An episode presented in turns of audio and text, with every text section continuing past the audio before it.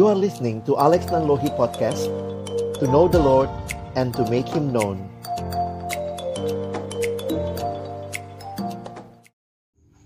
Kita akan membaca di dalam 2 Samuel pasal 5 ayat yang ke-17 Sampai dengan ayatnya yang ke-25 Ya, 2 Samuel pasal 5 ayat 17 sampai dengan ayatnya yang ke-25.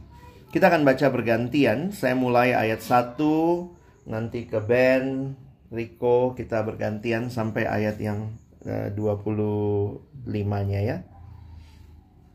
Judul yang diberikan LAI Daud memukul kalah orang Filistin.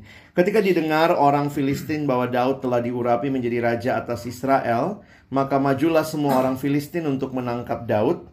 Tetapi Daud mendengar hal itu lalu ia pergi ke kubu pertahanan ketika orang Filistin itu datang dan mengencar di lembah Refaim. Bertanyalah Daud kepada Tuhan, apakah aku harus maju melawan orang Filistin itu? Akan kau serahkankah mereka ke dalam tanganku? Tuhan menjawab Daud, majulah, sebab aku pasti akan menyerahkan orang Filistin itu ke dalam tanganmu. Lalu datanglah Daud di Baal Perasim dan memukul mereka kalah di sana. Berkatalah ia, Tuhan telah menerobos musuhku di depanku seperti air menerobos. Sebab itu orang menamakan tempat itu Baal Perasim. Orang Filistin itu meninggalkan berhalanya di sana, lalu Daud dan orang-orangnya mengangkatnya. Ketika orang Filistin maju sekali lagi dan memencar di lembah Refaim, maka bertanyalah Daud kepada Tuhan dan ia menjawab, Janganlah maju, tetapi buatlah gerakan lingkaran sampai ke belakang mereka, sehingga engkau dapat menyerang mereka dari jurusan pohon-pohon kertau. Dan bila engkau mendengar bunyi derap langkah di puncak pohon-pohon kertau itu, maka haruslah engkau bertindak cepat, sebab pada waktu itu Tuhan telah Tuhan telah keluar berperang di depanmu untuk memukul kala tentara orang Filistin. Dan Daud berbuat demikian seperti yang diperintahkan Tuhan kepadanya. Maka ia memukul kala orang Filistin mulai dari Geba sampai dekat Gezer. Ya teman-teman yang dikasihi Tuhan Judul daripada 2 Samuel pasal yang kelima Kalau kita lihat sampai paling atas Itu adalah Daud menjadi raja atas seluruh Israel Dan tentunya Daud bukanlah orang baru Dia juga dikenal oleh mereka Oleh bangsa Filistin dan karena itu eh, beberapa penafsir mengatakan bahwa orang Filistin mulai ketakutan ini ketika kerajaan Israel sudah mulai bersatu. Karena sebelumnya hanya dua atau dua suku di selatan yang mendukung Daud. Dan karena itulah mereka memilih tempat peperangan itu. Kalau kita lihat di pasal 5 ayat 17. Ketika didengar orang Filistin bahwa Daud telah diurapi menjadi raja atas Israel. Maka majulah semua orang Filistin untuk menangkap Daud. Nah tetapi Daud mendengar hal itu ia pergi ke kubu pertahanan. Lokasinya dituliskan di ayat 18 ketika orang Filistin itu datang dan memencar di lembah Refaim. Dalam penyelidikan dilihat lembah Refaim ini nampaknya adalah bagian yang juga tepat supaya Daud tidak mendapat bantuan dari utara. Jadi makanya di lembah Refaim itulah mereka dikepung atau dihadang di situ. Nah, ini jadi menarik untuk kita perhatikan karena kalau teman-teman lihat bahwa pada waktu itu sebagai satu respon yang menarik ayat 19 Daud bertanyalah bertanyalah Daud kepada Tuhan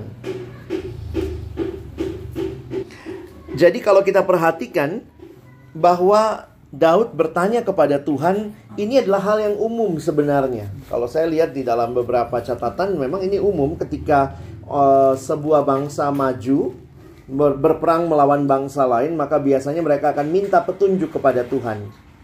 Dan itu yang dilakukan Daud di dalam bagian ini. Dan menariknya untuk teman-teman perhatikan di dalam ayat yang ke-19 Daud bertanya, "Apakah aku harus maju melawan orang Filistin itu? Akan kau serahkan ke mereka ke dalam tanganku?" Tuhan menjawab Daud, "Majulah, sebab aku pasti akan menyerahkan orang Filistin itu ke dalam tanganmu." Lalu Alkitab mencatat, lalu Datanglah Daud di Baal Perasim dan memukul mereka kalah di sana. Dan waktu itu Daud berkata, Tuhan telah menerobos musuhku di depanku seperti air menerobos. Sebab itu orang menamakan tempat itu Baal Perasim. Ayat 21 menunjukkan kebiasaan berperang pada waktu itu bahwa ketika orang berperang yang dia bawa adalah Allahnya, dewa-dewinya. Maka ketika orang Filistin kalah, meninggalkan berhalanya di sana lalu Daud dan orang-orangnya mengangkatnya. Peristiwa ini dicatat menurut para penafsir adalah supaya menunjukkan bahwa memang Tuhan menyertai Daud. Karena sesudah kerajaan bersatu, maka sebenarnya cerita-cerita berikutnya adalah cerita-cerita yang menegaskan bagaimana Tuhan menyertai Daud, Tuhan memberikan keamanan, Tuhan menolong Daud mengalahkan bangsa-bangsa yang maju. Tapi saya ingin mengajak kita melihat sisi yang lain adalah ayat 22. Ketika orang Filistin maju sekali lagi dan memencar di lembah Refaim. Ternyata Filistinnya tidak menyerah. Mereka datang, lokasi perangnya pun masih sama. Maka bertanyalah Daud kepada Tuhan, dan Tuhan menjawab.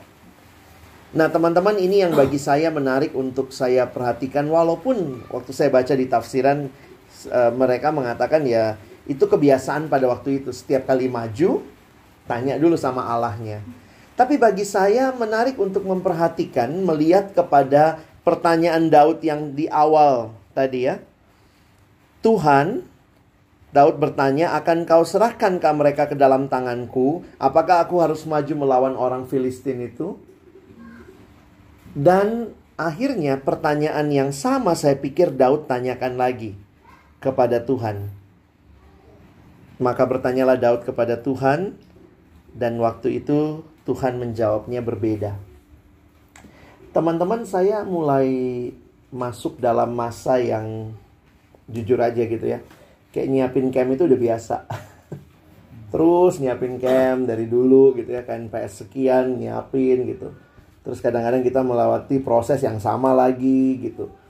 Terus pelayanan sehari-hari juga lakukan hal yang sama. Mungkin pakai bahan yang sama lagi jangan-jangan ya kita sudah expert juga kali ya dalam beberapa hal nyiapin camp udah expert dalam hal uh, melakukan pelayanan kita yang sudah sangat rutin tapi yang menarik yang saya perhatikan dari sikap Daud yang saya pikir harusnya juga jadi sikap saya dan harapan saya adalah sikap teman-teman adalah kembali bertanya kepada Tuhan. Makanya ketika rapat ini terjadi lagi, uh, saya mikir gitu ya. Sebenarnya saya nggak datang pun teman-teman juga udah nangkep lah mesti ngapain kan. Kita udah pernah ngalamin lah tahun lalu ya. Habis ini stepnya apa, habis ini stepnya apa. Jadi masalahnya apa nih sekarang? Saya jadi menghayati begini, iya ya, jangan jangan-jangan kalau kita melihatnya sebagai rutinitas, kita bisa saja maju, tapi bukan maju bersama Tuhan. Daud baru saja menang. Bisa saja yang memimpin Daud adalah pengalamannya. Dia pernah menang, cara perangnya begini, cara perangnya begitu, tapi bagi saya menariknya adalah Daud terbuka kepada pimpinan Tuhan dan dia bertanya sekali lagi kepada Tuhan. Dan menariknya Tuhan menjawab dia, "Janganlah maju, tetapi buatlah gerakan lingkaran sampai ke belakang mereka sehingga engkau dapat menyerang mereka dari jurusan pohon-pohon kertau." Menarik ya. Tuhan tuh anti mainstream. Ah, oh, males ah pakai gerakan maju aja gitu ya. Ayo melingkar. Jadi saya melihat ternyata dipimpin Tuhan, kita pun harus terbuka sama kejutan-kejutan, cara-cara baru, surprises. Pasti setiap kita punya kenangan, punya memori, punya pengalaman. Saya pikir Tuhan tidak buang itu. Tapi Tuhan mau ingatkan kita bahwa bukan itu yang memimpin pelayananmu.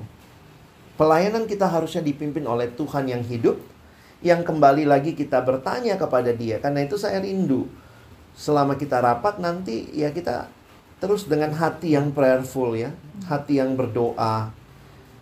Kita mungkin ambil waktu-waktu untuk diam dulu kalau kita bingung, kalau kita uh, punya uh, Apa sih yang harus dilakukan? Mari kita ambil waktu untuk kembali mengingat dan bertanya kepada Tuhan karena itu saya pikir yang akan menyegarkan pelayanan kita. Saya pikir yang membuat orang nanya gitu ya, abang udah berapa lama di perkantas? Sekian lama gitu. Saya pikir salah satu yang menyegarkan adalah ketika melihat Tuhan memberikan uh, penyertaannya yang berbeda di setiap camp. Camp ini bukan ngulang camp tiga tahun lalu. Camp ini adalah camp yang Tuhan yang hidup memimpin orang-orang yang berbeda. Bahkan bisa jadi kayak kita ini ya, udah jadi tim sekian lama, sebagian besar gitu ya Demikian juga Daud. Musuhnya sama. Lokasinya sama. Tapi Tuhan kreatif. Kira-kira gitu ya. ya. Bukan kitanya yang kreatif ya. Kita hanya mengikuti pimpinan Tuhan. Dan Daud melakukan tepat sama dengan yang Tuhan mau. Bila engkau dengar bunyi derap langkah di puncak pohon kertau, maka haruslah engkau bertindak cepat sebab pada waktu itu Tuhan telah keluar berperang di depanmu untuk memukul kalah tentara orang Filistin. Ayat 25 dicatat dan Daud berbuat demikian seperti yang diperintahkan Tuhan kepadanya. Maka ia memukul kala orang Filistin mulai dari Geba sampai dekat Gezer. Itu satu wilayah kalau lihat di peta yang cukup jauh. Bagi saya, uh, saya simpulkan dengan kalimat itu ya. Bahwa biarlah yang memimpin pelayanan kita, yang memimpin persiapan KNPS ini bukanlah pengalaman kita, bukanlah ekspertis kita semata-mata itu butuh, itu penting. Bukankah keberhasilan camp-camp sebelumnya, bukanlah keberhasilan yang kita pernah lakukan dalam camp-camp yang kita pernah dipercayakan, tapi biarlah Allah yang hidup itu yang akan memimpin KNPS 2021. Dan itu yang saya rindukan beberapa hari kita di sini. Mari kita sama-sama minta lagi Tuhan show us your way. Tunjukkan jalanmu, tunjukkan caramu. Kalau Tuhan bilang masih kayak yang dulu, oh ya udah. Kalau Tuhan bilang ah ubah kali ini begini. Nah, karena itu uh, biarlah mengawali rapat-rapat kita. Pengalaman Daud bertanya kepada Tuhan juga menjadi kerinduan setiap kita. Kiranya Tuhan menolong kita dalam beberapa hari rapat ke depan ya. Amin. Mari kita berdoa. Tuhan, terima kasih banyak buat firman-Mu. Setiap kali kami dihadapkan dengan hidup kami, pergumulan, peristiwa, hari demi hari, pekerjaan yang begitu rutin, mimpin KTB, rapat, melakukan khotbah, persiapan, studi, nampaknya sangat rutin. Tapi yang menjadi pertanyaan penting, apakah Tuhan tetap memimpin kami? Apakah kami terus bertanya kepada Tuhan? Apakah kami terus bergantung kepadamu? Ataukah jangan-jangan kami sudah mengandalkan diri kami, pengalaman kami, kemampuan kami, kehebatan kami, keberhasilan kami? Dan kiranya kami mohon Tuhan sekali lagi, teguhkanlah hati kami untuk benar-benar bergantung kepadamu. KNPS 2021 milik Tuhan mungkin ini camp yang masih sama. Peserta yang juga kira-kira sama dengan camp-camp sebelumnya. Kepanitiaan, persiapan, dan bahkan tim pengarah yang masih sama. Tapi Tuhan yang sama akan memimpin kami mungkin dengan cara-cara yang berbeda. Tolong kami terbuka, tolong kami menyerahkan diri dipimpin oleh Tuhan. Sekali lagi kami bersyukur menyerahkan waktu-waktu ke depan Tuhan yang memimpin rapat-rapat kami. Kami akan mulai dengan sharing supaya kami juga mengenal, mengetahui, mengerti, dan juga bisa mendoakan apa yang menjadi pergumulan sahabat-sahabat kami. Kami bersyukur dalam nama Yesus. Amin.